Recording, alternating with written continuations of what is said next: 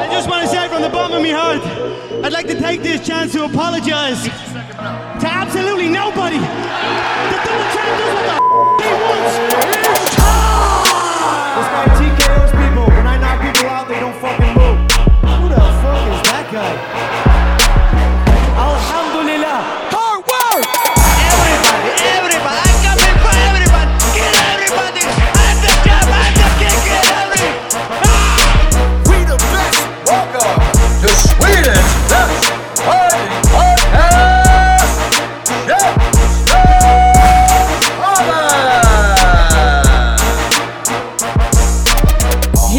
Välkomna till ett nytt avsnitt av Käftsmällspodden, Sveriges bästa podcast om fighting. Idag har vi ett eh, riktigt roligt thaiboxningsavsnitt framför oss eh, när vi gästas av Stockholm Muay Thai. Jag heter Lisa Melin Johansson och i studion har vi Neil Layton.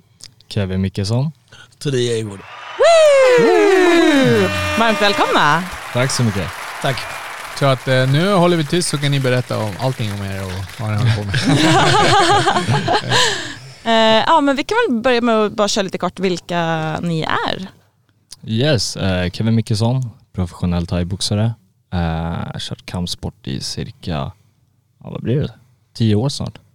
Och eh, driver Stockholm Muay Thai med min kollega Tony. Ja, Tony Eivor heter jag. Eh, driver klubben, alltså Stockholm Thai med Kevin. Och eh, jag tävlade senast 2001 tror jag det var, så det var ju inte igår direkt. Då var Då är jag fem år gammal. Ja. Herregud. Vi behöver inte gå in på Nej. detaljer. Helst inte.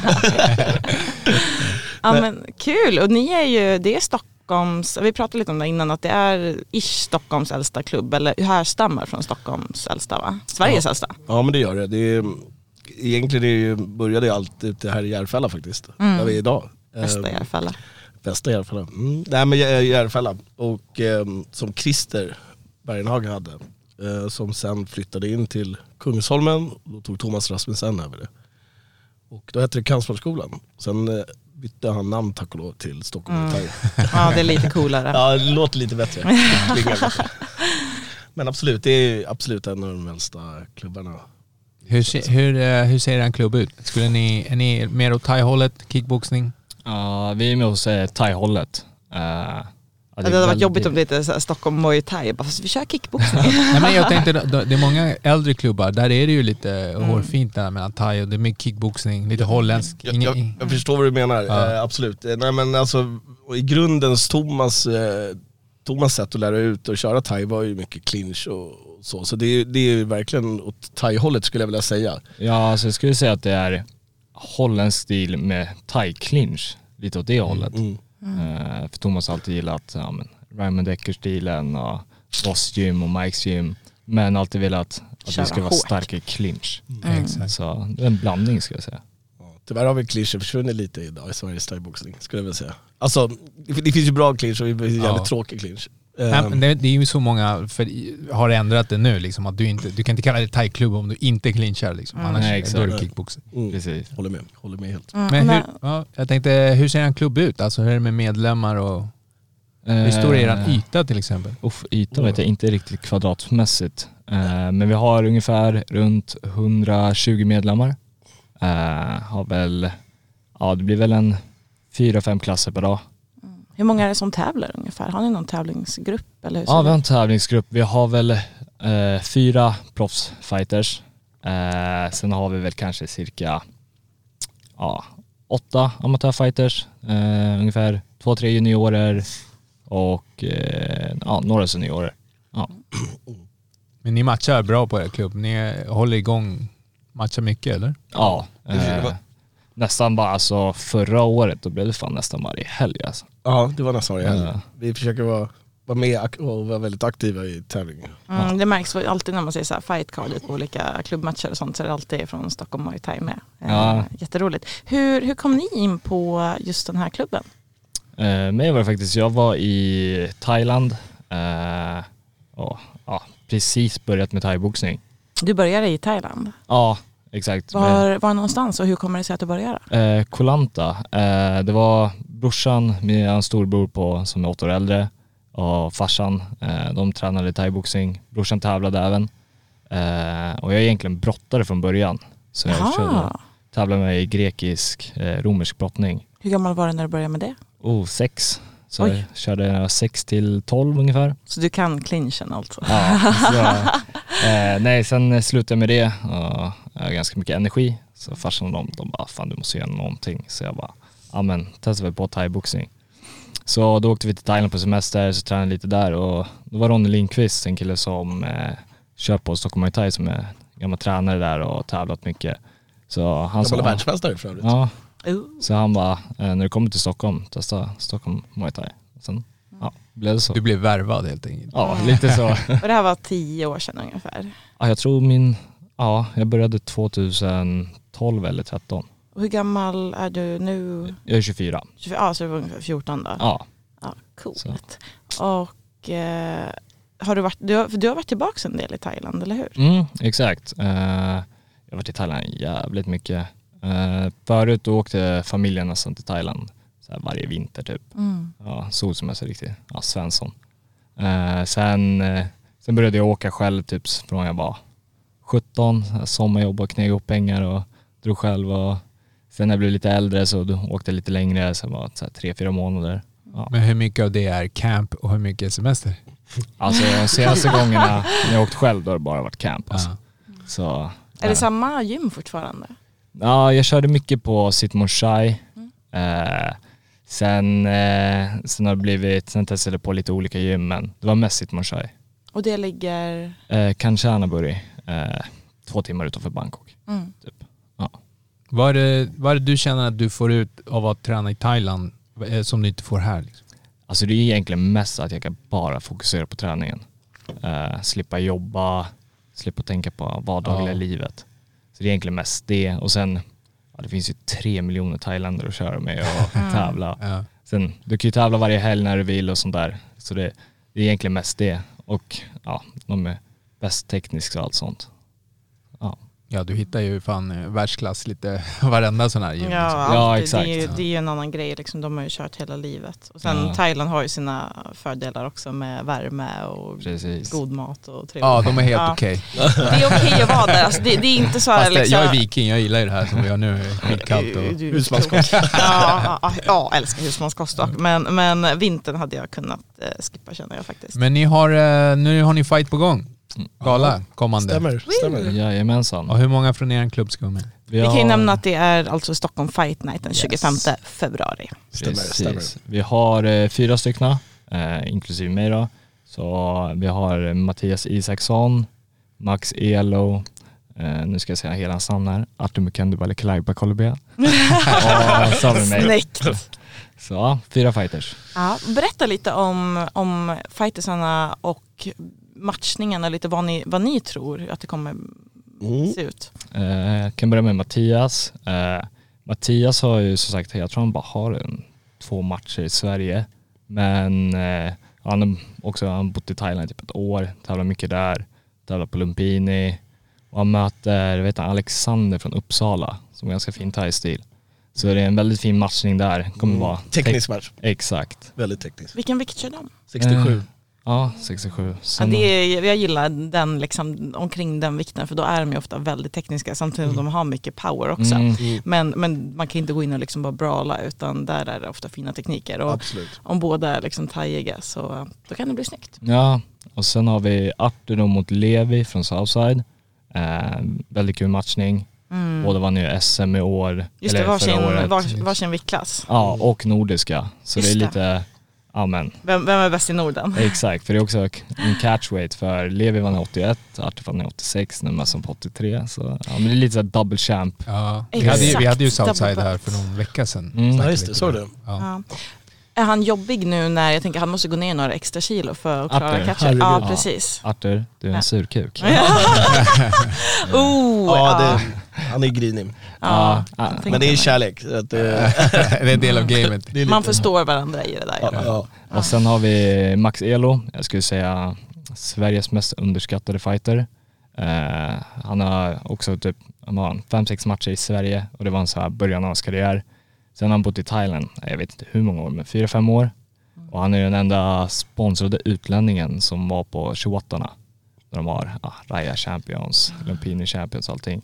Han har väl en ja, 40 plus matcher där på Rajadammen. Han har Jäklar. alltså skaffat sig erfarenhet i smyg. Ja, det kan man säga. verkligen. Och Jag var där i somras, alltså den stadion är uff. Nice. Oh. Men han har inte tävlat på, vad är det, fyra år tror jag.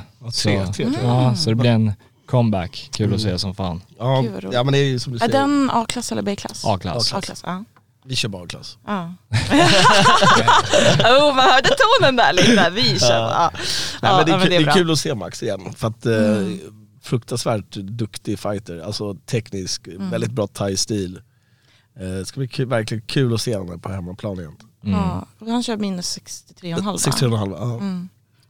Kul att Sverige får upp ögonen för honom också. ja. Mm. Så, Som, så, så, så kan vi säga, liksom, det är inte så många som kanske vet vem han är här men han har också väl, hållit väldigt låg profil i, på sociala medier och så vidare så att han är liksom, alltså, ingen vet vem han är typ. Han har jobbat i skuggan alltså. Det här får man jobba på. Hörru. Sociala medier, det är Ja, 2023. jag, jag satt ju och skrev en artikel liksom om den här matchen, så försöker man söka lite information och sociala medier. Va? Det var skralt. Eh, men, men det blir- ska bli väldigt spännande att se den matchen när det är någon man inte har så bra koll på. Jag frågade Max här, bara, men finns du på youtube? Så här, Han bara, ja en. Så här. Jag bara, men, men från typ när du går i Thailand? Han bara, nej då får du söka på thailändska och så skriva på thailändska om det ska komma upp. Liksom. Han bara, ja.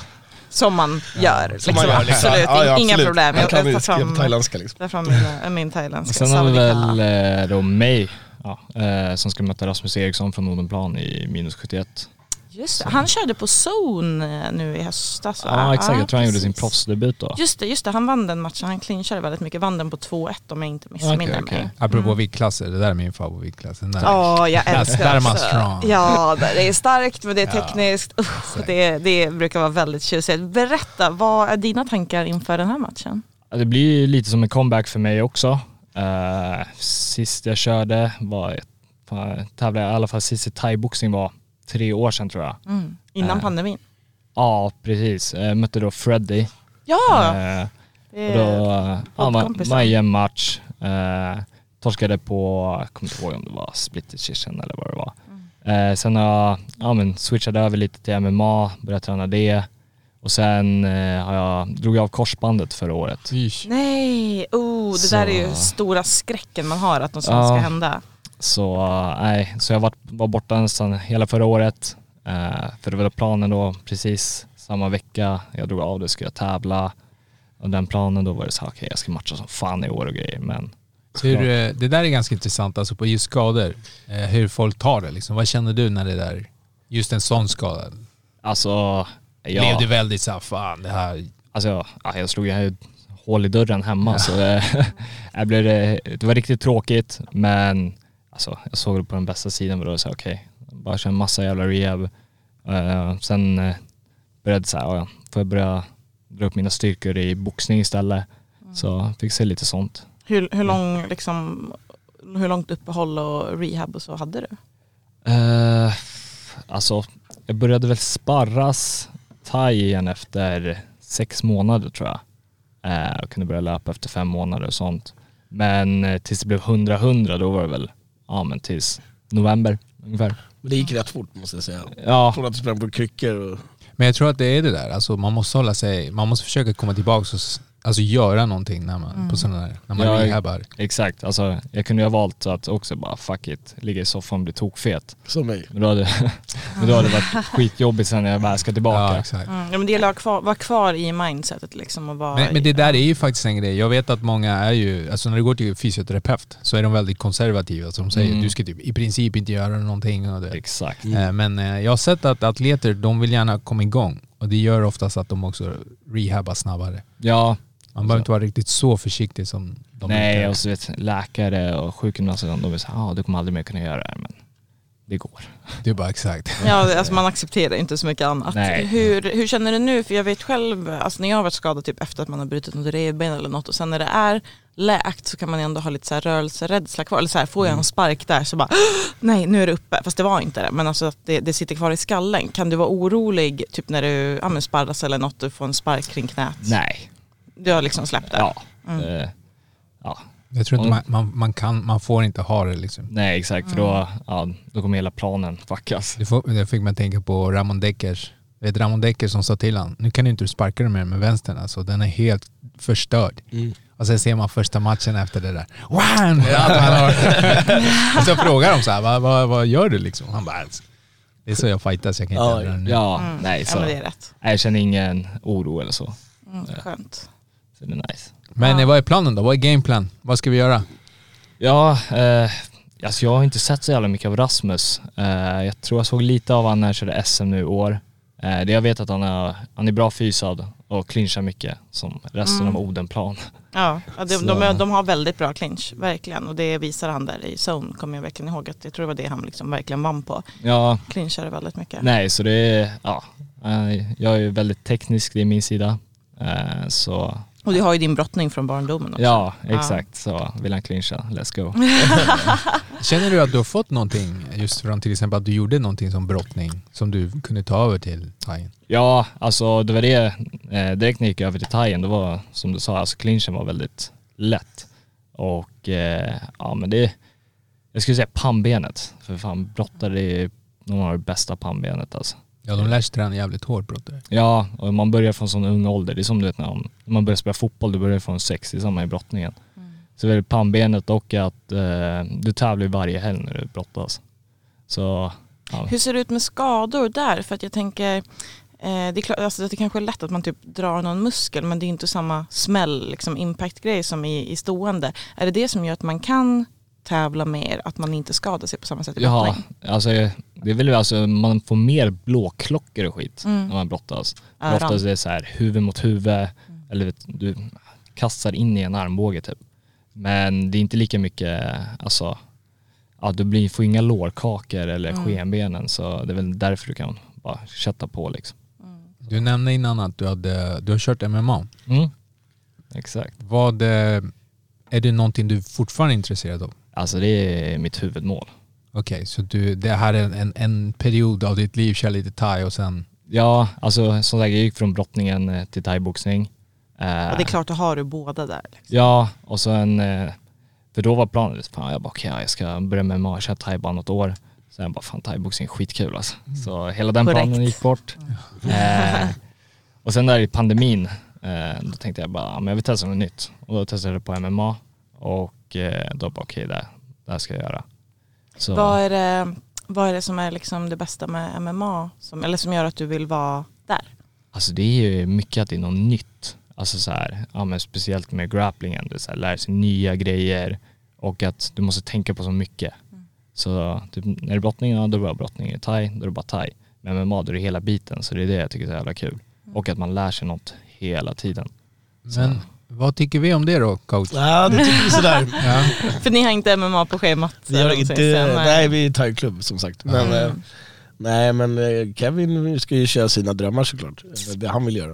Eh, Nej, Jag, jag är ju själv eh, thai-coach eh, Mm. och det, jag ser ju det här fenomenet. Liksom. Jag, jag har för, försökt säga till folk, typ, så fan, vi håller ju på att tappa lite, alltså man tappar talang eh, och det har gått över till MMA. Och sen är det ju liksom, för, jag vill som coach förstå i så fall varför. mm. Eh, är det bara för att MMA är så växande och du kan se MMA typ varje helg? ja, och sen är det mycket också att kunna leva på sporten alltså. Eh, thaiboxning, ja, det är väl ingen le, leva på thaiboxning i Ja, är- Sverige, ja, det är det, den är tung. Ja. Den enda i Sverige som har kunnat det, det är väl typ Jörgen Krut och Sanne Dahlbäck och de där. Martin.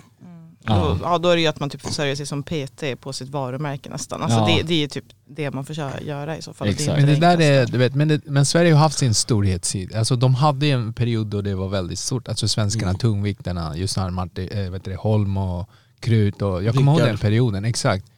Eh, vad tror du hände där?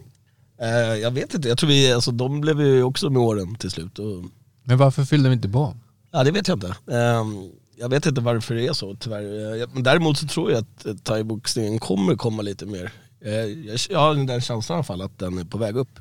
Jag tror väl då också, då var ju K1 Japan så jävla stort. Stort, alltså. exakt. Det är ju- Mm. förstördes ju Det kan man ju hoppas Japanerna att. One på något sätt kanske ska kunna ta den platsen. Exakt, Mm. jag tror det. Och eh, nu går ju One varje, hel- eller varje fredag Mm. på Lupini. Så att, eh, och, och det kommer göra, tror jag, alltså, att Det, tror- exakt, Pre- precis för det är det jag känner. Jag känner att det är på gång nu igen. Ja, de ska ju ha liksom sådana här turneringar, Road to One heter det, i Europa. Just och det tror jag kommer få mycket västlänningar att komma in i One.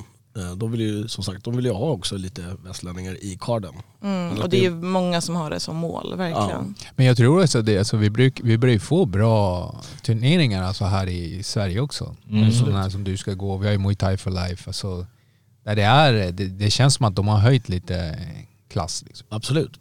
Tyvärr så är det ju ekonomin som är liksom, det är vi alla tror jag, alla klubbar och de som styr gal eller arrangerar galor och så som kriga med, det är ju liksom pengar.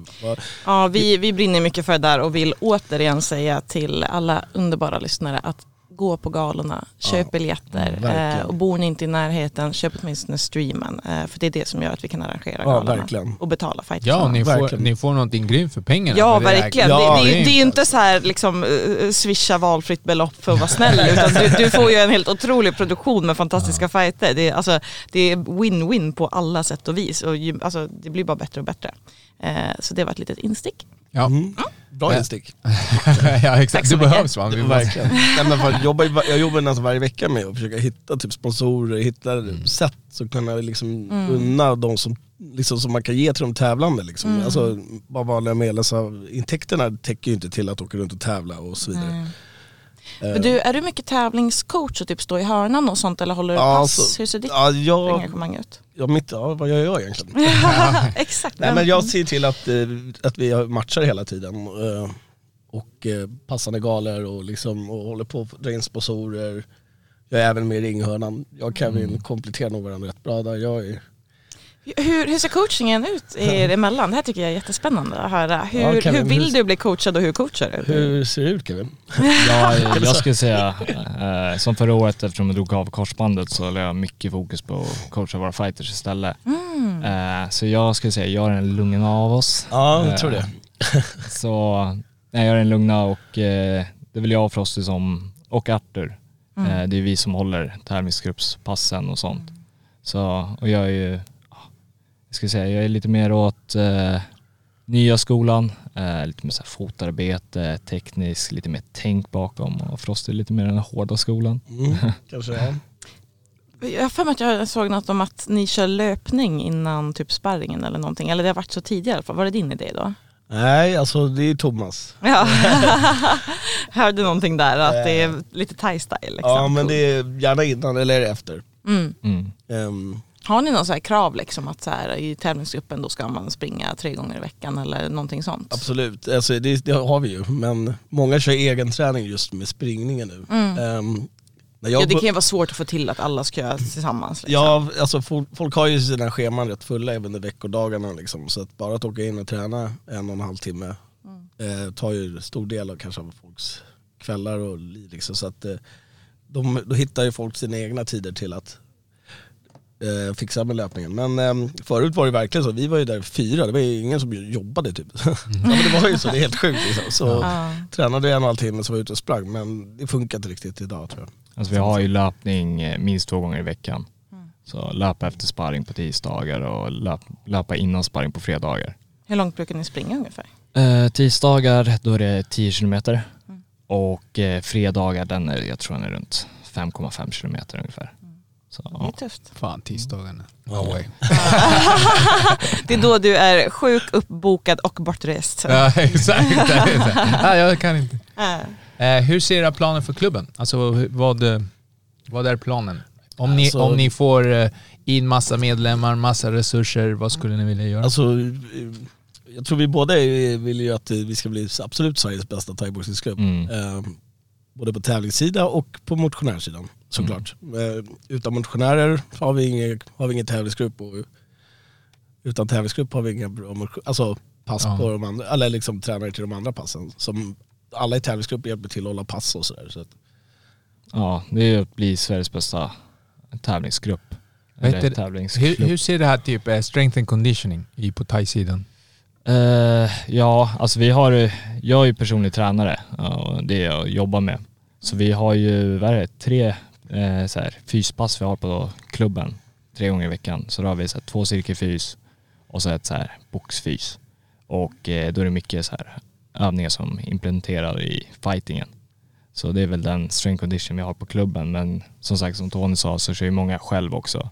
Typ så här, om, ja men de som pluggar och sånt får vi köra innan skolan och de som inte hinner till träningen får köra själva. Så skickar jag ett schema till dem vad de ska göra och sånt. Alltså du programmerar åt dem Ja själva exakt, träningen. precis. Det är, många tror verkligen att många tränar som bodybuilders fast eh, det är verkligen det man inte ska göra. Många glömmer bort den här sportspecifika träningen. Mm, så det är lite så här mer att du rikt- riktar in det för att det ska vara mer idrottsspecifikt. Ja exakt, Mm. istället för att de ska ligga och bänka liksom. Mm. Ja men det där, alltså, Det är inget fel på bänk bro. Alla gillar Nej men alltså det är verkligen så. Jag, jag har ju också, via min klubb har vi, vi har en jättebra fystränare, Anton One, som gör eh, fysupplägg och det är liksom det skiljer sig ju väldigt mycket åt hur en, som du säger, typ bodybuilder Mm. eh, tränar mot hur vi fighters tränar för vi har ett annat fokus. Och det handlar inte om att bygga störst biceps. Exakt. Men tyvärr är det där som många ändå har sitt fokus. Men det känns ju verkligen som att det är ganska mycket revolution träningsmässigt i fighting och thaiboxning. Jag tror att MMA har spelat in mycket där. absolut. Eh, det märker man till och med i Thailand att där kör de smartare nu. Förut har det ju Mm. bara varit ju mer desto bättre, spring, spring, spring, spring. Um, Medan nu när jag har varit där så märker jag att de, de tar in fystränare de Mm. tränar smartare. De tar in eh, boxningstränare Mm. för att jobba på den biten och allting. Så det känns ändå som att det händer mycket. Ja. ja men det är som du säger, jag tror MMA har gjort mycket med det där. Mm. För ja, men, när jag har varit i Thailand har det alltid varit samma sak. Här, sex dagar i veckan, springer på morgonen, mitts, clinch och så gör du samma sak två gånger per dag. Sex dagar i veckan, det är inte superbra för kroppen. Nej, alltså då, då är man ju slut efter Ja. ett par år liksom. Så är det kul att de har börjat fatta grejen. Ja, verkligen. Hur ser eh, sparring ut hos er? Eh, tisdagar, eh, då är det vår lite hårdare sparring, man säga, seriösa sparring. Får man sparra så hårt? Får man Mm, absolut. Du vet, det, det där är otroligt eh, omtvistat. Ja, nej men alltså under kontroll såklart. Ehm, Alltså vi, vi i Europa och Norden här, vi har, tävlar ju inte lika ofta som man gör i Thailand. Ehm, Mm. Då, då, där behöver man ju inte spärras hårt. Nej, för man har ju sin hårda sparring i match varje Ja, helg liksom. då Får man tre matcher per år här i Sverige liksom, då kanske man behöver ibland trycka på lite. Såklart ska det vara under kontroll och, Mm. och tänka på skador och sådär såklart. Men Ja. kanske hårt och kontrollerat. Ska jag Eh, säga. Jag brukar försöka säga till grabbarna att det är alltså så här, lättare mot huvudet och sen tryck på på kropp och ben. Dude, that's my school. Nej, för, det, för det där är faktiskt, jag har pratat nu med många klubbar och det är den här, vissa som typ absolut inte vill eh, köra, det ska alltid vara Sabai och Mm. liksom. Och sen eh, jag själv gillar ju smälla och sen vet jag i princip att jag har aldrig kunnat kontrollera du vänder dig om och sen kollar du och så ser du två grabbar som försöker svinga huvudet bara. För Ja. det händer. Alltså, Ja, det är ja. typ två människor som kan bli lacka här. Exakt. Ja. Så att eh, det, lite den där, jag tror att eh, det jag har försökt lära mig med åren det är att eh, kanske i början av din karriär ska du Mm. smälla. Och sen när du matchas regelbundet och liksom eh, kanske har gått lite matcher, då kan du bara Mm. ta det lite lugnt. Ja exakt, för många som ska gå sin första match och grejer, har de bara kört det här Sabai-stilen, då brukar de bli jävligt chockade när eh, gånggången går och det börjar smälla på 100%. Så men eh, lättare mot huvudet för vi har bara ett huvud. Och eh, där kan man se det så här Holland och där när de knockar varandra på träningen. Så Ja. de inte riktigt Som de gjorde det. i eh, shootbox också där i Brasilien. Ja exakt, Silva och. Det, det är inte det bästa på lång sikt liksom. Men jag tänkte, eh, om du säger att du har, har du, hur ser din, din thai-stil ut? Har du en klassisk, skulle du säga? Alltså back in the days eh, när jag tävlade mest i thai, då hade jag väldigt thai-stilig. Mm. Men eh, sen nu på senare dagar när jag gått över till MMA och boxas lite mer och sånt, ska jag säga att jag är lite mer K1-stil fast fortfarande med, med thai. För, för det här är också eh, någonting som jag kan fråga dig som coach. Det är den där att, eh, alltså det är väldigt fint. Jag tycker också om, det kan vara otroligt vackert den här klassiska thai-stilen. Men ibland, du nämnde tidigare att du, du mött Freddy. Mm. Där har du inte en klassisk Nej, thai-stil. det var därför jag blev riktigt chockad. Exakt. Och då Ja, det blir- märks att hans motståndare Ja, blir det. exakt. Man, man ser någonting, det här shit, det här är inte van Mm. Och är man lite för liksom, insnöad på ett visst sätt, då kan det ställa till sig. Mm. För, för, för mig är det till slut är fighting fighting. Ja men Ja. så är det ju. Så är det ju. Exakt. Men det, det, man får väl anpassa liksom stilen efter vem, hur man är och vad man har för stil. Jag menar, som, Fred, som du nämnde, Freddy har ju en jättefin stil och, och svårläst och rörlig. Jättesvår kille att möta. Det är där jag tycker lite med thais Sverige. För då är många så här, ja ah, men eh, de har inte thai-stil och grejer. Nej, men de vinner. Och det är ju det som är målet. Ja. På, på er klubb, har ni någon så här stil som ni ändå så här lite mer inriktade och fokuserade på eller är det väldigt olika? För vissa, ibland kan man ju se så här, ja men den där klubben de, de är riktigt stabila och den där klubben kör liksom jättebra basics, de där är lite mer oortodoxa. Hur ser det ut hos er? Alltså när Thomas levde, då hade vi en eh, riktig röd tråd. Och då Ja. var det ett tight guard, alltså nästan aldrig släppa händerna. Inte ens när du sparkar eller något.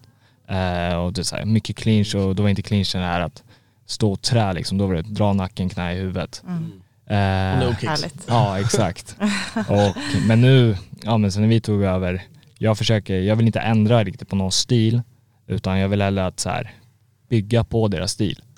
För det är också, det, det kan bli väldigt konstigt om någon som är väldigt duktig på att sparka low kicks, ja då ska inte jag börja stå där och bara nej men du, du ska börja clincha.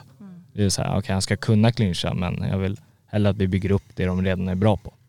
Så, så nej vi har ingen riktig röd tråd på våran stil Nej. riktigt. Men jag tycker vi håller även, vi håller liv i den här clinchen grejen fortfarande. Alltså, vi, vi vill kunna clincha liksom. Ja. Jag har väldigt bra clincher fighter också. Ja. Det är svårt att vara en komplett TIE fighter utan att ha clinchen. Ja, det, är ju, är det. det är ju fascinerande hur många det är som inte tycker om det. Så här, ja men gärna skippar clinch, Jag kanske ska köra kickboxning, jag vet inte. Ja. Ja, alltså jag tycker Ja, det alltså är för- kramkalas, det är ganska mysigt. Ja. Alltså. Jag, jag personligen har aldrig varit för mycket för clinchen. För det är lite som du säger, jag vill, eh, jag vill inte hänga där. Jag vill ta, Mm. ta en nacke, lägga knät. Det kan man göra det med.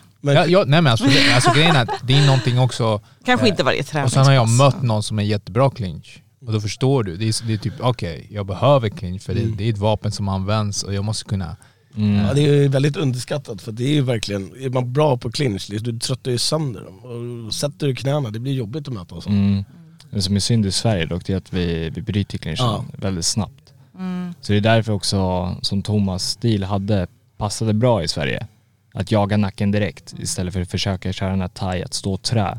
För i Sverige så bryter vi ganska snabbt så då, Ja det där tänkte jag verkligen på nu senast när jag var i Thailand. Då, ja, men då var jag där på Raja-studion äh, stadion och Mm. ehm, alltså det är så mycket clinch. Alltså just Mm. där, visst i en, i en thai-match i Sverige då kan det ändå vara liksom en del clinch. Men där, alltså nästan hela ronderna är clinch. Mm. Så fort de går in i clinchen då är de kvar där.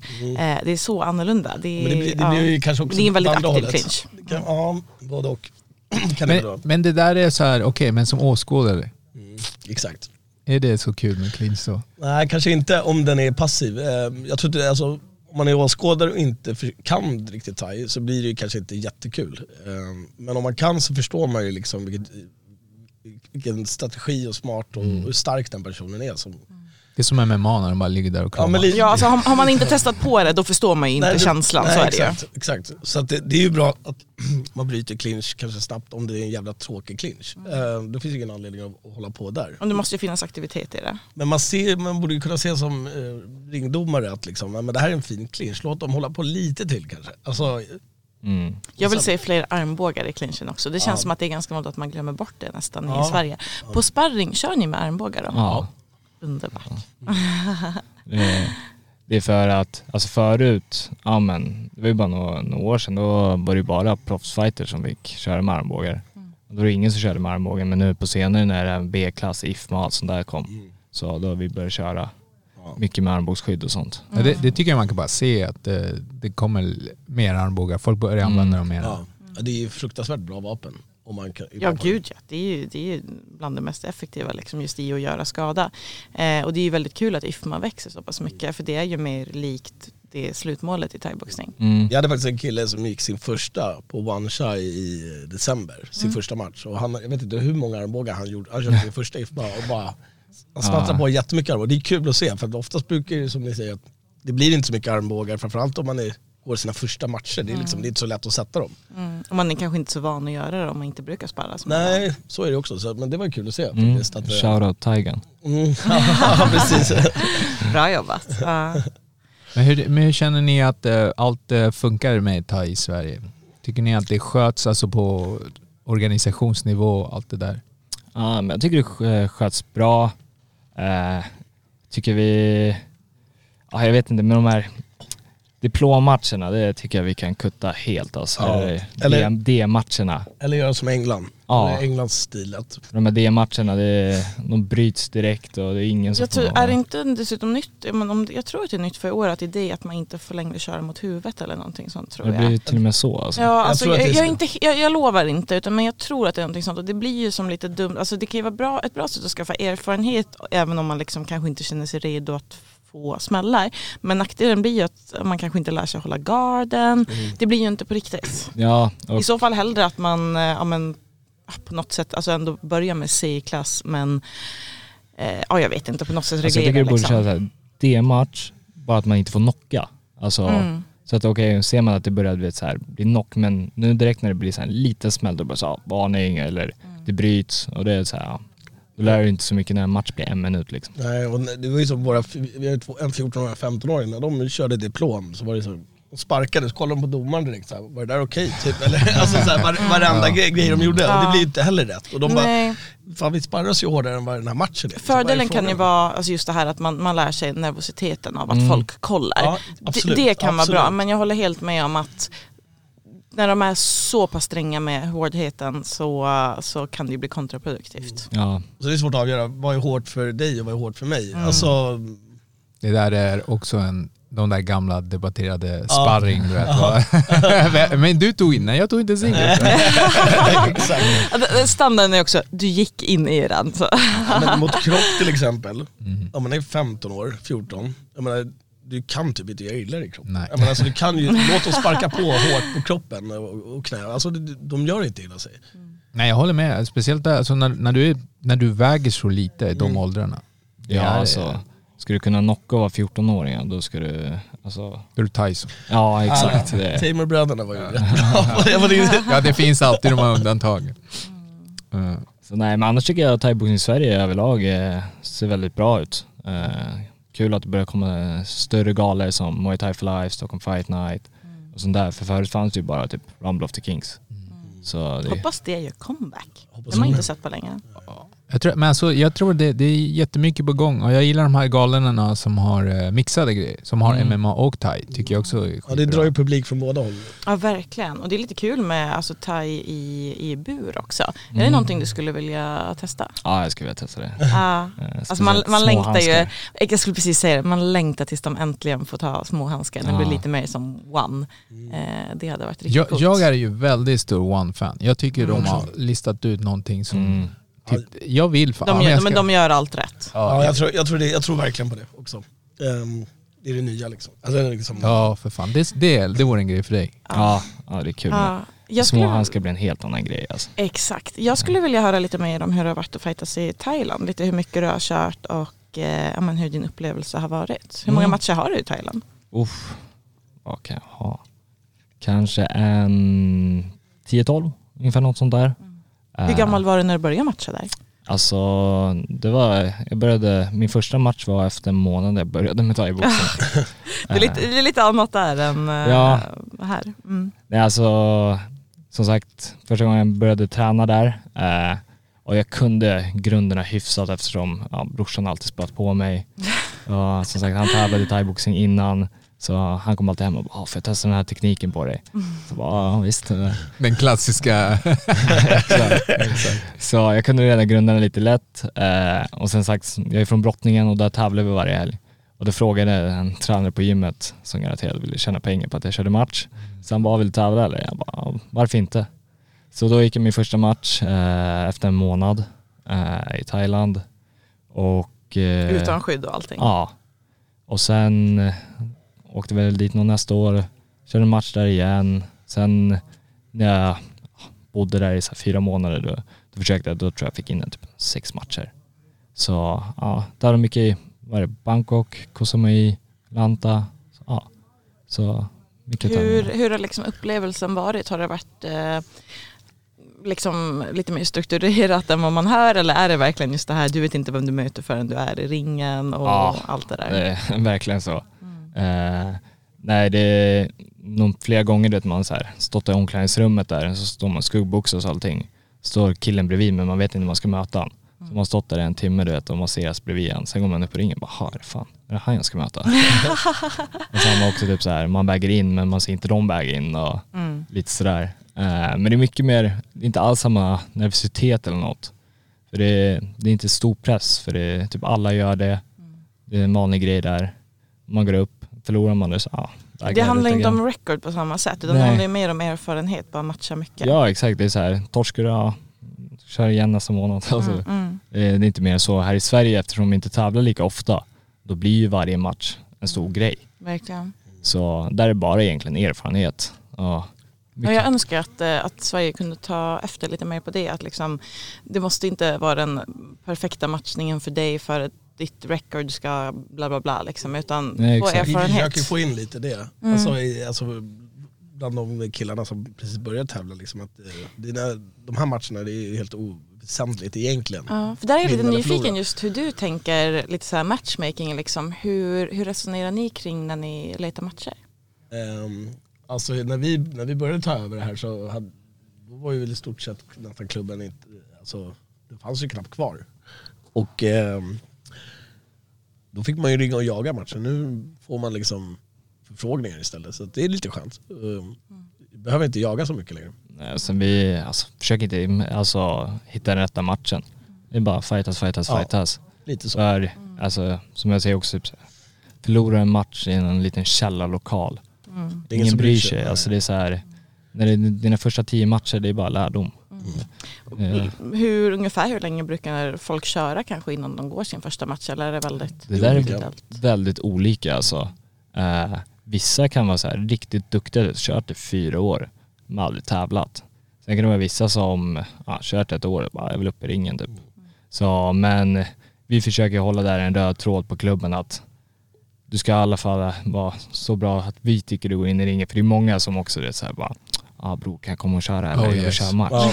Så man bara, ah, Fight club. fan du kan inte ens plocka en spark liksom. Det, Mm. Nej, men det är ju både för deras och klubbens Ja, Jag tycker Alltså- det måste vara så liksom, eh, alltså det är ett väldigt stort ansvar som coach att se, dels ska de ju liksom vara ja, men, tillräckligt bra tekniska och allt det där men också kunna på något sätt avgöra är den här personen i rätt mental plats Precis. liksom för att kunna, kunna gå en match. men det är ju så. Det är, det är ett hantverk. det är verkligen ett hantverk och det är, det är också lite från person till person liksom hur man, man ser liksom att um, men den här killen har inte kört så länge men han är med i skallen och kan liksom vara beredd på vad det som kommer hända där inne. För många kommer in och aldrig varit och sparras lite och sen så tror de att det är samma sak att gå in i en ring och sen bara tappar det helt. Och det är samma också med folk du vet, som kommer bara, ah, men jag har kört på gatan. Ja, bro, Ja. Det är ganska stor skillnad alltså. Eh, Ja, verkligen. där brukar, Och alltså, med det roliga det är publik. cardion som brukar eh, visa dem ganska, ah, det var inte så kul. Och så, ja, försöker dra huvudet av dem i första det, ronden. det är fan liksom. en minut kvar. Och, Ja. Men det som är så speciellt just med match är att då går du in och har hög puls när du går in i ringen. Mm. I sparring har du inte hög puls förrän du kör. Exakt. Men som, alltså, I alla fall min upplevelse att i match, då är liksom, när du går in i ringen, då är pulsen redan igång och då ska du prestera. Mm. Jag brukar säga vadå, tio sparringronder är som en matchrond ungefär. Mm. Alltså ish, är, Ja. Thomas sa det till mig i alla fall. Väl- Exakt, du skickar vidare den här. Ja. Men eh, när börjar ni sparra? Alltså, vad har ni för åldrar och så på klubben? Eh, det är väl egentligen bara typ alltså, ordentlig sparring i tävlingsgruppen. Eh, sen har vi också så här, vi är så här steg två, alltså fortsättningsgruppen. Då kör vi lite så här, ja men sabaj sabaj sparring. Ja, tekniksparring och så Ja, vidare. för där vågar man ju inte, de som är rätt nya där. Men när kör ni full kontakt? Alltså vilken ålder? Det spelar ingen roll. Eh, Nej, alltså tävlingsgruppen, på- men ja. den yngsta vi har, eh, det är väl ja, Liam och Isak, de är 15 år. Så ja, De har matchat eh, ja, nästan tio matcher förra året. Wow, så det är imponerande. mm. Ja. Så vart har ni gått? Var, var, var slås ni in någonstans? Överallt, varenda tävling. Ja, de har kört typ, överallt, varenda, både på Tullinge och One och Southside. Ni har inte arrangerat matcher hos er någonting va? Nej. Jätte, jo men det var jätte, jo för många, många år sedan Mm. var det, alltså det var ju typ innan jag började. Jag tror att det var så 90, Ja, då var inte ens jag född. 96, 97. Ja det, det, det är typ preskriberat. Ja, det, det, var, ja, det var när vi föddes liksom. Så, att, ja, det, Det kostar pengar och det, det, det, var, det, var inte, det var inte de matcherna jag så här refererade till. Nej, nej men på senare år, absolut inte. Nej det har vi tyvärr inte gjort. Det hade varit- varit lite kul men det känns som att vi, vi har att göra ändå. Alltså, vi, Mm. som sagt så kan jag väl sa, vi, vi liksom vi har varit i, från Sundsvall ner till Lund det här året liksom varje helg i stort sett något dygn. Så att det blir så här, när fan ska man klämma in en, hålla en liten gala liksom? Det, är- Men sen våran lokal är inte riktigt anpassningsbar ja, till det nej, heller. inte det heller. Alltså det går att hålla matchen men det är svårt för att publiken liksom. Det, är- Ja, jag fattar. så. Ja, det, det, sånt måste man ju ta hänsyn till också. Ja, Ja. absolut. Alltså för, eh, jag menar jag eh, i min klubb, jag är ju inblandad i själva hela organisationen, jag är med i styrelsen och sådär. Mm. Och eh, Du är Dana White of Ja, Dana boll, Bollstad. Ja, pappa. Men eh, där, var, där, gjorde vi, där, där tog vi det här steget att vi, vi typ skalade tillbaks eh, vår elitsatsning. Just för att det kostar pengar, det är mycket resurser, mycket tid speciellt. Mm, eh, Ja, verkligen. eh, så att vi kunde koncentrera oss kanske mer på hobbyverksamheter så vi får att bygga. Mm. Vi hade tur att vi, vi fick ju hjälp av kommunen med våra lokaler och så. Och vi har ju strukturerat upp det just det här, det jag ser många klubbar gör nu, att de typ startar gym, eh, vet de har olika grejer. Mycket mer PT finns det ju Mm. nu på, på, speciellt eftersom fighters inte får några pengar så är det många fighters som typ extra giggar som PT. Ja, Så sånt där verksamhet för att bara få det att bygga. Och min plan är ju sen något år, då kunna göra en elitsatsning. Vi gjorde tvärtom. ja. Ja. Nej, Nej, men, men eh, jag är ute liksom, jag, jag, jag vet inte vad resultatet kommer att bli. Alltså för att vi missar ju massa tid då vi inte går match Mm. också. Så Så att det. är en sån här balansgången. Är, Men vi hade, vi hade inte så mycket till val, alltså för att vi hade inte så många medlemmar efter, när vi, när vi tog över Mm. eh, kvar. Och, alltså när vi, vi tog över eh, var förra året i augusti-september, ja. då eh, klubben var ju på väg neråt, då var det ungefär eh, 20 medlemmar. var det på grund av coronan? eller? Ah, lite allt möjligt. lite allt möjligt. Oh, behind the scenes! Så, men eh, nej, så vi, när vi tog över så hade vi ja, några killar som var så helt okej. Eh, så vi bara okej, vi behöver marknadsföra oss på ett sätt. Vad är det bästa sättet att marknadsföra oss på? Ja men vi tävlar mycket. Så då, ja men juniorerna de tävlade varje helg och några seniorer som körde det så här en gång i månaden. Och eh, då började det synas mycket så. Och det är vad jag tror resulterade i att vi fick massa medlemmar. Mm, ja men absolut, så är det ju. Man ser ju också vad det är för ålder på medlemmarna. Alltså som det nya flödet av medlemmar, men det är ju mellan 18 till 25 kanske som växer mest. Och det, det är ju de som ser fighterna, liksom, att, att, att klubben börjar bli populär och att det, vi har en jävligt skön jargong där, all, det är så familjär. Alltså, vi hänger där, kommer Mm. folk att hänga en timme innan passet liksom. det, det ser det mesta liksom. En liten ungdomsgård. Ja, ja. hur, hur ser det ut på tjejsidan? Har ni några tjejer som fightas också? Ja, vi har ju nu eh, Johanna Hermansson. Eh, som Ja, hon är hos eh, er nu. Mm. Ja. Sen eh, hade vi en tjej som eh, ja, men, gjorde debut för Stockholm Muay Thai, alltså Första- vår förra nya helgen. förening. Eh, var det förra helgen? Förra helgen ja. Oh. Så, men vi har, vad har vi? vi har fyra tjejer i tävlingsgruppen. Så det Så- växer och det är jättebra. Annars Mm. blir det för grabbigt liksom. Mm. Ehm, Så det är en blandning mellan tjejer och killar tycker jag. Det är kul. Ja, så också det är kul för den mest populära eh, träningsgruppen vi har, det är ju faktiskt tjejgruppen. Gruppen, ja. Men de är så jävla bekväma med att vara där. Så nu tror ju vi när, när de ser att det är många tjejer i tävlingsgruppen att de bara okej fan, jag kanske kan glida dit också. Mm. Så för det är många duktiga som är i tjejgruppen men de är bekväma med att köra med dem ja. och sådär. Mm, ja, för vissa kan det ju vara liksom en, eh, ja, men, lite jobbigt att gå över just till att om man blir ensam tjej Ja det i precis, det är, det är inte så lätt när det står 20 grabbar där och sopar på varandra. Alltså, Ja. Fyllda med test och Precis, exakt. exakt. Det, där är ju liksom, alltså det ligger som ett stort ansvar hos, hos killarna. För jag vet bara själv liksom att eh, när, jag, när jag började köra lite tuffare sparring och allt det där att eh, det var inga problem i sig att köra liksom med killar så men att vissa killar eh, kanske inte riktigt kunde ta att om jag satte någon spark eller typ satte en huvudspark eller någonting att då istället för liksom, ah snyggt så är då sopar de ner den på marken liksom för att du ska Dålig inte... självförtroende. Ja, men, ja, men, ja, Exakt, exakt. Att, så här, liksom, eh, att jag ska inte komma och tro att jag är någonting. Eh, Så att det, det är ett stort ansvar eh, att man välkomnar in folk, verkligen. Men det låter ju som att ni jobbar mycket på, alltså att ni är väldigt välkomnade mot den gruppen. ja, Ja, absolut är vi det. Mot alla skulle jag vilja säga. Mm. Sagt, alla ska känna sig trygga där liksom. Mm. Vi vill ju få de bästa fighters här, så då ska vi få att alla ska komma till tävlingsgruppen och mm. bli bäst alltså. mm. men, men vilka är det som driver? Jag och Kevin. Det är ni två. Mm. Hur känner du att det där med att typ driva någonting och sen att du är aktiv fighter då? Jo, eh, alltså det går bra. Alltså, för jag är också, som sagt, jag är personlig tränare. Så jag har ju även min verksamhet på Stockholm Muay Thai. Så jag är ju därifrån. 7 till 9. Alltså. Ja. Kan du träna dagar. mellan klienter? Ja, så jag håller pass, håller klienter, tränar själv, håller lite mer, tränar själv. Ja. Så det går bra. Så jag är ju den som mer styr ja, med träningen och sånt och Tony han är mer, ja, jag ska säga, du är sponsorer, tävlingar, fixar sånt där. Så det är ganska lugnt för slipper jag tänka på pappersarbete Ja, det- Du tar den roliga biten. Ja, nej, men han ska ju egentligen, jag vill, alltså, han ska ju fokusera så mycket som möjligt Mm. på sina match, på matcher och sådär. Så att eh, det gäller att avlasta han lite. Ja, för nu är det ju fight camp inför Mm. eh, Stockholm Fight Night. Hur mycket tränar du nu? Så eh, jag älskar att träna så jag kör nästan 13-14 pass i veckan. Mm.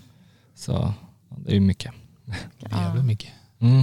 Ja. Men ja, ja, men om man har kunskapen och vet hur man tränar så, Ja, exakt. så går det liksom. Och så är det idag söndag, då är det vilodag eller?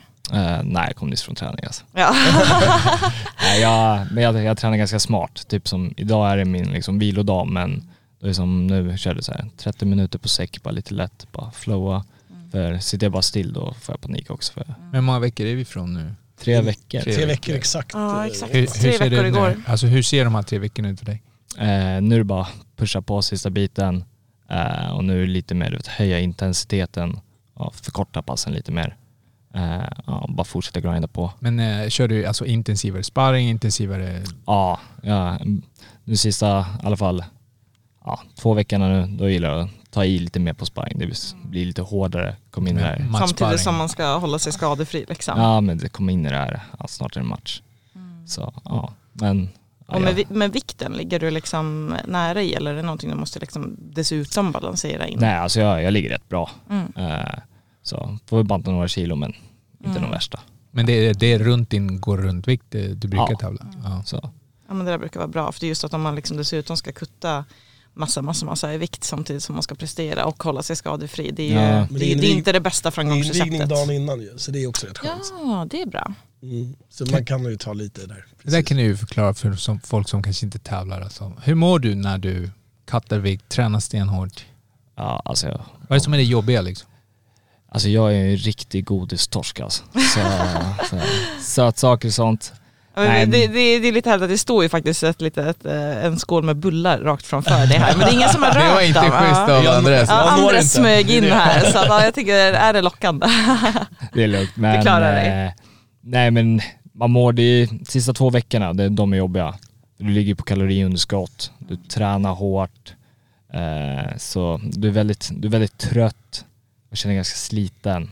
Eh, och sen också tänker på mat hela tiden alltså. Mm. Du går och lägger dig hungrig, vaknar hungrig. Så, Men det ja. där, det där är så konstigt och sen ska man typ från det gå och köra, prestera 100% i en... Ja. Mm. Ja, jag tänker alltså, det är ju egentligen en väldigt dum del av sporten. Det hade ju varit rimligare att man liksom äter för att orka prestera när man ska in i en ring och köra för sitt liv. Liksom. Ja, alltså jag tänkt på det mycket. Jag tror de flesta fighterna, när man ser på tv och sånt, är egentligen de 20 gånger bättre. Mm. Men eh, ja, alla, måste, alla kuttar ju vikt i det. Ja, men alltså det- jag tänker alltså framförallt det som kring UFC, för de har väl de mest liksom brutala viktnedgångarna. Att det är ju en del av sporten har det ju blivit, att Ja. vara bra på att gå ner i vikt när du ska prestera. Det är just så här, men, men hur bra hade det inte varit om folk bara inte gick ner i vikt och mindre skador och allting. Liksom. Så det, och, han, och ja. försöker ju med det här Ja. hydration och att du Mm. Precis, men det går ju sådär. Det blir mer bara så här, nej det det blev för inget fight- bälte, ja. ni får fightas men det blev inget bälte. Men det är för att Ja. fightersen fortsätter att katta ändå. De försöker alltid gamea. Och det är ju svårt för det är, så här, det är ju tufft att vara den första som bara nej jag tänker inte matchbanta fast alla mina motståndare gör det. ja, det blir jättekonstigt. Ja det är ju det, det är svårt att vara den första. Alltså, man önskar att det bara blev en så här gemensam bestämmelse att nej alla fightas i den vikt som man väger. Alltså jag har gjort det när jag tävlade i MMA. Jag kör, jag kör amatör och då är det så här, det är invägning samma dag. Men eh, sista matchen då, då fick man säga okej, Mm. så här det går. För ja, jag vägde in ja, med kläder och sånt där, 75 typ. Och vi körde i 77. Eh, killen var typ två huvuden längre än mig. ja. Även amatör behöver man typ banta lite alltså. Eh, Och det är egentligen, alltså det där tycker jag också är så knas just det här med amatör att så här, man hör liksom hört talas om folk som man kanske ska gå sin första C-klass och bara "Ah, nu ska jag gå ner sju kilo sista veckan. Alltså det är så här, vi är vanliga normala människor med vanliga normala Mm. jobb som ska köra en match och så är det nästan som på proffsnivå. Alltså hur, i vilka andra sporter är det på det sättet liksom? Nej Alltså, men det är väl inte bra heller för att det kan ju föra fram liksom andra dåliga beteenden och att Mm. banta mycket och, och så vidare. Så det, det, Alltså jag skulle säga 80% av fighters har fan ätstörningar. ja alltså. men liksom, absolut, och det, Ja. det, är det är ju hemskt alltså. Mm. Så ska det ju inte behöva vara. Och då är det ju bättre att skita i att köra- bara vänta så mycket och kanske inte ens tävla då. Mm, mm, verkligen. Det är hänger ju med det kanske resten av ditt liv. Men där försöker vi, i alla fall jag säga så här till våra amatörfighters och sånt.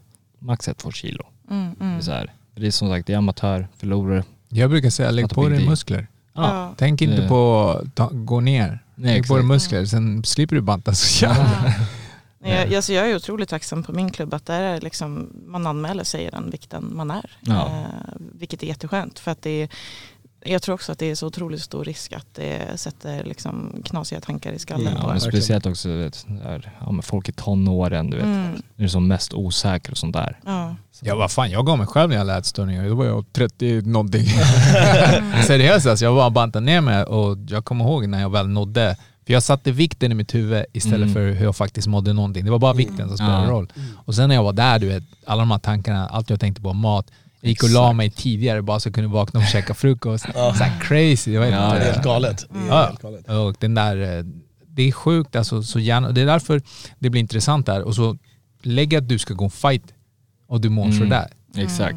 Och få smälla mot skallen. Ja exakt, någon som vill göra det Mm. illa. Det är nästan liksom en fight i fighten, Ja. bara att Mm. fixa vikten liksom. Då, då blir det ju fel tycker jag. Mm. Ja, men det, det är ett jätteproblem inom sporten. Som, alltså det, man önskar att det fanns en enkel lösning på det men Mm. det är svårt för det har varit så så länge och det är så Mm. utbrett. Ehm, ja, som sagt det bästa vore om det bara fanns en gemensam bestämmelse att nej, Fast, vi fast, slutar. fast jag tror med muskler, det löser mycket. Att Ja, folk, eh, absolut. folk lägger på sig lite muskler för de måste tävla kanske. Exakt. Eller att man liksom gör det på långsiktig plan, att det inte Ja. ska bli liksom att man måste droppa så jävla mycket. Att, Ja det där är Mm. också många fighters gör fel också. Mm. Så här, efter deras matchsträck går det upp så här, hur mycket som helst. Mm. Och så börjar Ja. man göra den här jobbiga, dåliga kutten du vet. Och bara okej, vill nu, nu är en månad, bara skita och äta någonting. Istället för Ja. kanske bara försöka bara, alltså, ligga med hälsosam mat Mm, långsiktigt. precis. Men ja, Men hur gammal är du? 24. 24. Så. Hur lång är en fighterkarriär? tju- 24. Eh, jag tror det beror på eh, hur du, både på sättet du tävlar och tränar. Typ så här, ja, gillar du att gå in och veva och liksom sånt, ja, då har du inte så lång karriär. Men är du mer teknisk, tänker på huvudet, då kan du ha lite längre. Men jag skulle tippa 35 borde väl vara liksom. För jag tänker just, just på det här att eh, om man planerar just att eh, planera kortsiktigt som planera lång, långsiktigt. Mm, Om du, du tänker, jag vill ju uppnå någonting inom en viss sport. mm. Har du någon sån där typ, okej men det där kommer ta mig en längre period så typ piken måste ske där. Det, behöver inte nödvändigtvis ske om ett år. Liksom. Ja exakt, alltså, jag ser mig själv som den bästa när jag är runt 28. Mm. Och vart kommer du vara då? Alltså förhoppningsvis UFC. Det, Oh, det är planen. Eller Det one. är, det, ja. Eller vad? Ja, ja, exakt. Det sitter också. Vi, vi som sitter lite mer i thaiboxning, liksom, one, one. Ja. Så, men så tror jag väl, ja men karriären borde väl vara över vid runt 35. Mm. Sen kommer väl barn och grejer och sånt i vägen så. Jag älskar den inställningen, det kommer i vägen. Det, det kan jag förstå är att eh, när man blir äldre så tar det längre tid att läka kroppen och återhämta sig. Men, Ja, Hur mycket tränar du? ja, ingenting. Ja. Så lite som möjligt. fråga. Ja. Eh, nej, alltså nu är det inte alls mycket. Jag, I somras brukar jag försöka vara med och springa, ut och löpa i alla fall. Och så. Mm. Jag håller, ju- man håller ju mitt så det, det blir som Ja. ett pass man ska hålla Men till. det är tufft. Tre killar som Mm. väger i Kevins viktklass alltså, och Mm. sparkar hårt och slår hårt. Det är ju jobbigt. Alltså. han brukar kunna vara med två ronder på sparring. Ja, så, så, så låtsas saltar jag av därifrån. Eh, ja. Hur ser det ut med att besöka andra klubbar och så? Alltså vi, vi får mycket Ja. från Impact, Just det. eh, Norr Tullinge, Mm. Eh, Norrort.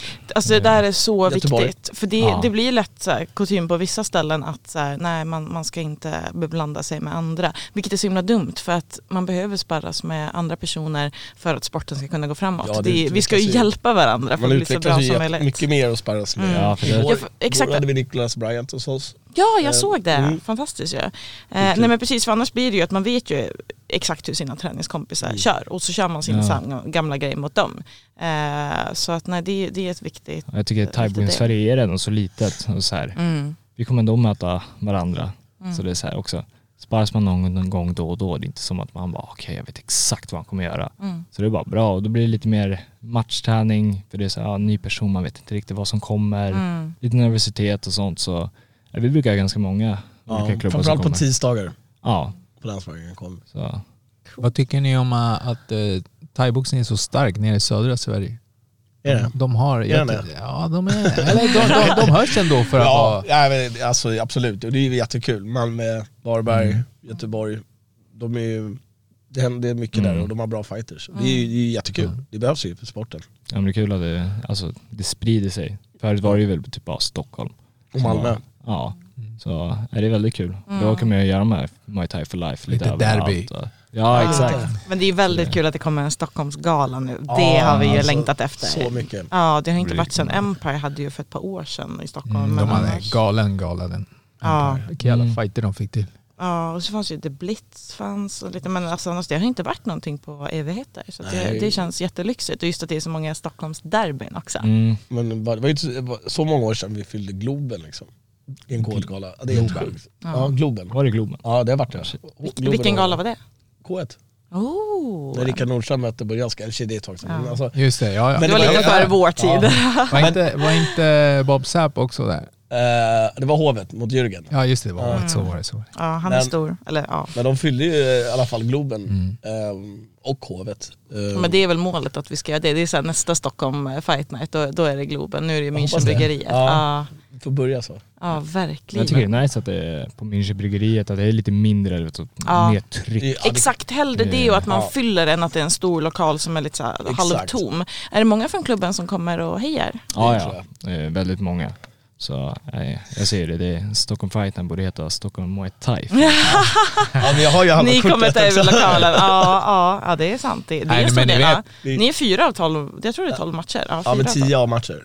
Ja, precis. Och så är det ju underkortet också Ja. där. Så att ja, ja ni är Det blir stor svettigt, det inverkan. blir svettigt för mig där. Ja, verkligen. Men eh, vi, får, jag får lite, ja, vi, vi har ju Ronny Lindqvist som ska hjälpa till. Mm. Bland annat, så att, eh, Ja, men ni kommer ju ha jättebra tillfälle att visa upp er. Mm. Så, och just att ni är så många, drar ni hem, en, drar ni hem alla vinster då jävlar Mm. då Ja. bragging rights. ja, Verkligen. det är målet. Absolut. Ja, och ni sa ju det att målet är ju liksom vara Sveriges bästa klubb och där är ju, har man ju verkligen chansen att visa upp sig. ja, Ja. absolut. Det är kaxigt liksom. Mm. Det är lite sätta måltavla på sig själv. Ja, ja. Ja, men det är bra. Man måste sikta högt. Ja. Mm. Ja. Jag tror att det är dags för, om ni är bekanta med, Veckans käftsmäll! ja, ja, nu blev det tyst. Det var ingen som hade förberett någon käftsmäll, eller? Nej, Mm. Vet, ni, vet ni ens vad det är? nej. Så veckans gästmän. Jaha, oh, det var Vi ger ut en betyg. Ja. någon som kanske har stört oss, någon, någon. Ja, no, Eller- någon eller något. Det kan vara vänlig, det kan vara en liten liksom, symboliskt. Vänligt, vad snackar du om? Nej, jag brukar inte göra att välja på. Alltså, ja, vad ska Ja. vi börja? Mm. Ja, jag vill ge en till Mattias Isaksson för att du inte var på fysen i lördags. Ooh.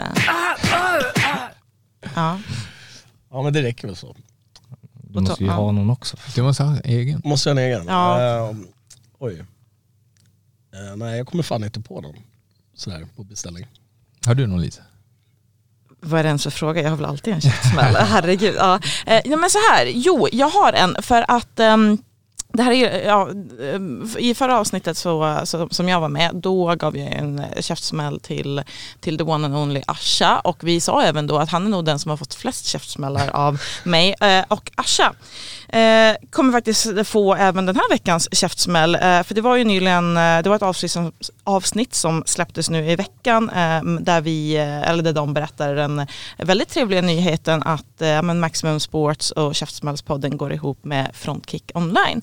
Eh, och det är ju superroligt eh, och där eh, räknas det ju upp ett eh, gediget antal namn på duktiga eh, reportrar och så var det ju ett, eh, ett namn som eh, inte nämndes och eh, jag om jag inte minns fel så ha, sa han ju någonting om att vi har eh, Sveriges bästa MMA-redaktion. Ja, och thaiboxningen. Här sitter man på kvällarna efter jobb, efter träning och eh, skriver sina artiklar och eh, inget eh, Lisa Melin Johansson. Så eh, Asha, Nej, jag tror jag tryckte på fel knapp. Fan, nej! Nej, nej! Du fick publiken mot dig. mig. Förlåt, Asha, här kommer den. Där, ja. ja, ja. Det var det, det var det. Men jag kan ge käftsmäll till uh, UFCs tröttaste gala i helgen. Den var riktigt jävla Ja, jag har inte ens kollat. Och eh, folk fick vänta fyra timmar på en riktigt tråkig huvudmatch där man fick se, eh, vad heter han, The Black Beast. Just han Eh, torskade för tredje i raka va? Ja, alltså herregud. Och det så, han, såg, han, såg, han var inte ens där, det såg Ja. inte ens enkelt ut. Alltså det såg inte ens som han kämpar mot. Eh, ett, ett tag så var han ju liksom, den här killen kunde vara farlig. Ja, fan, jag tror han skulle, såg ut som han har så att börjat träna stenhårt och det blir smal och grejer. Jag tror han skulle vara i toppform. Ja, alltså. exakt, det var det där. Jag sa det innan, vi hade en precap innan. Jag sa alltså man vet aldrig när de väl kommer in. Du vet. Det, det räcker att du hoppar av dieten en helg, sen är det över. Så att, eh, men det var riktigt trött gala, som vi trodde. Och eh, det var inget speciellt. Ja, Tony har fortfarande inte kommit på något. Nej. eller? Nej, gud vad snällt. Jag sitter bara och lyssnar på era. Ja, Smällar. men alltså jag har ju alltid jag har en lång lista. Jag skulle ju kunna sitta och göra ett avsnitt med Lisas käftsmällar. Eh, som Nej. jag. Men eh, har vi något mer? Har ni något ni vill eh, plugga, säga? Uh, ska ni testa thaiboxning och bor i Stockholm. Kom Stockholm Muay Thai. Kungsholmen, eller hur? Kungsholmen. Exakt. Mm. Skelegatan Eh, ja, missa inte min match 25 februari, Stockholm Fight Night, Münchenbryggeriet. Just Kommer det. smälla på ordentligt kan jag lova er. Ja, kom dit. Ja, det- Action. Verkligen. Jag tror det är nästan utsålt. Det finns några få biljetter kvar. Verkligen, alltså Det ta de biljetterna. Ja, jätteroligt. Eh, så om, om ni inte har köpt biljetter, ta de sista. Det kommer bli en galen gala. Perfekt inramning också. Mm. Tack så jättemycket för att ni kom hit. Det har varit superroligt att ha haft er här och få Tack för att vi fick komma. allt. Yes. Vi syns snart igen hoppas vi. Ni är alltid välkomna tillbaks. Tack så mycket. Tack. Tack, hej. Tack, hej.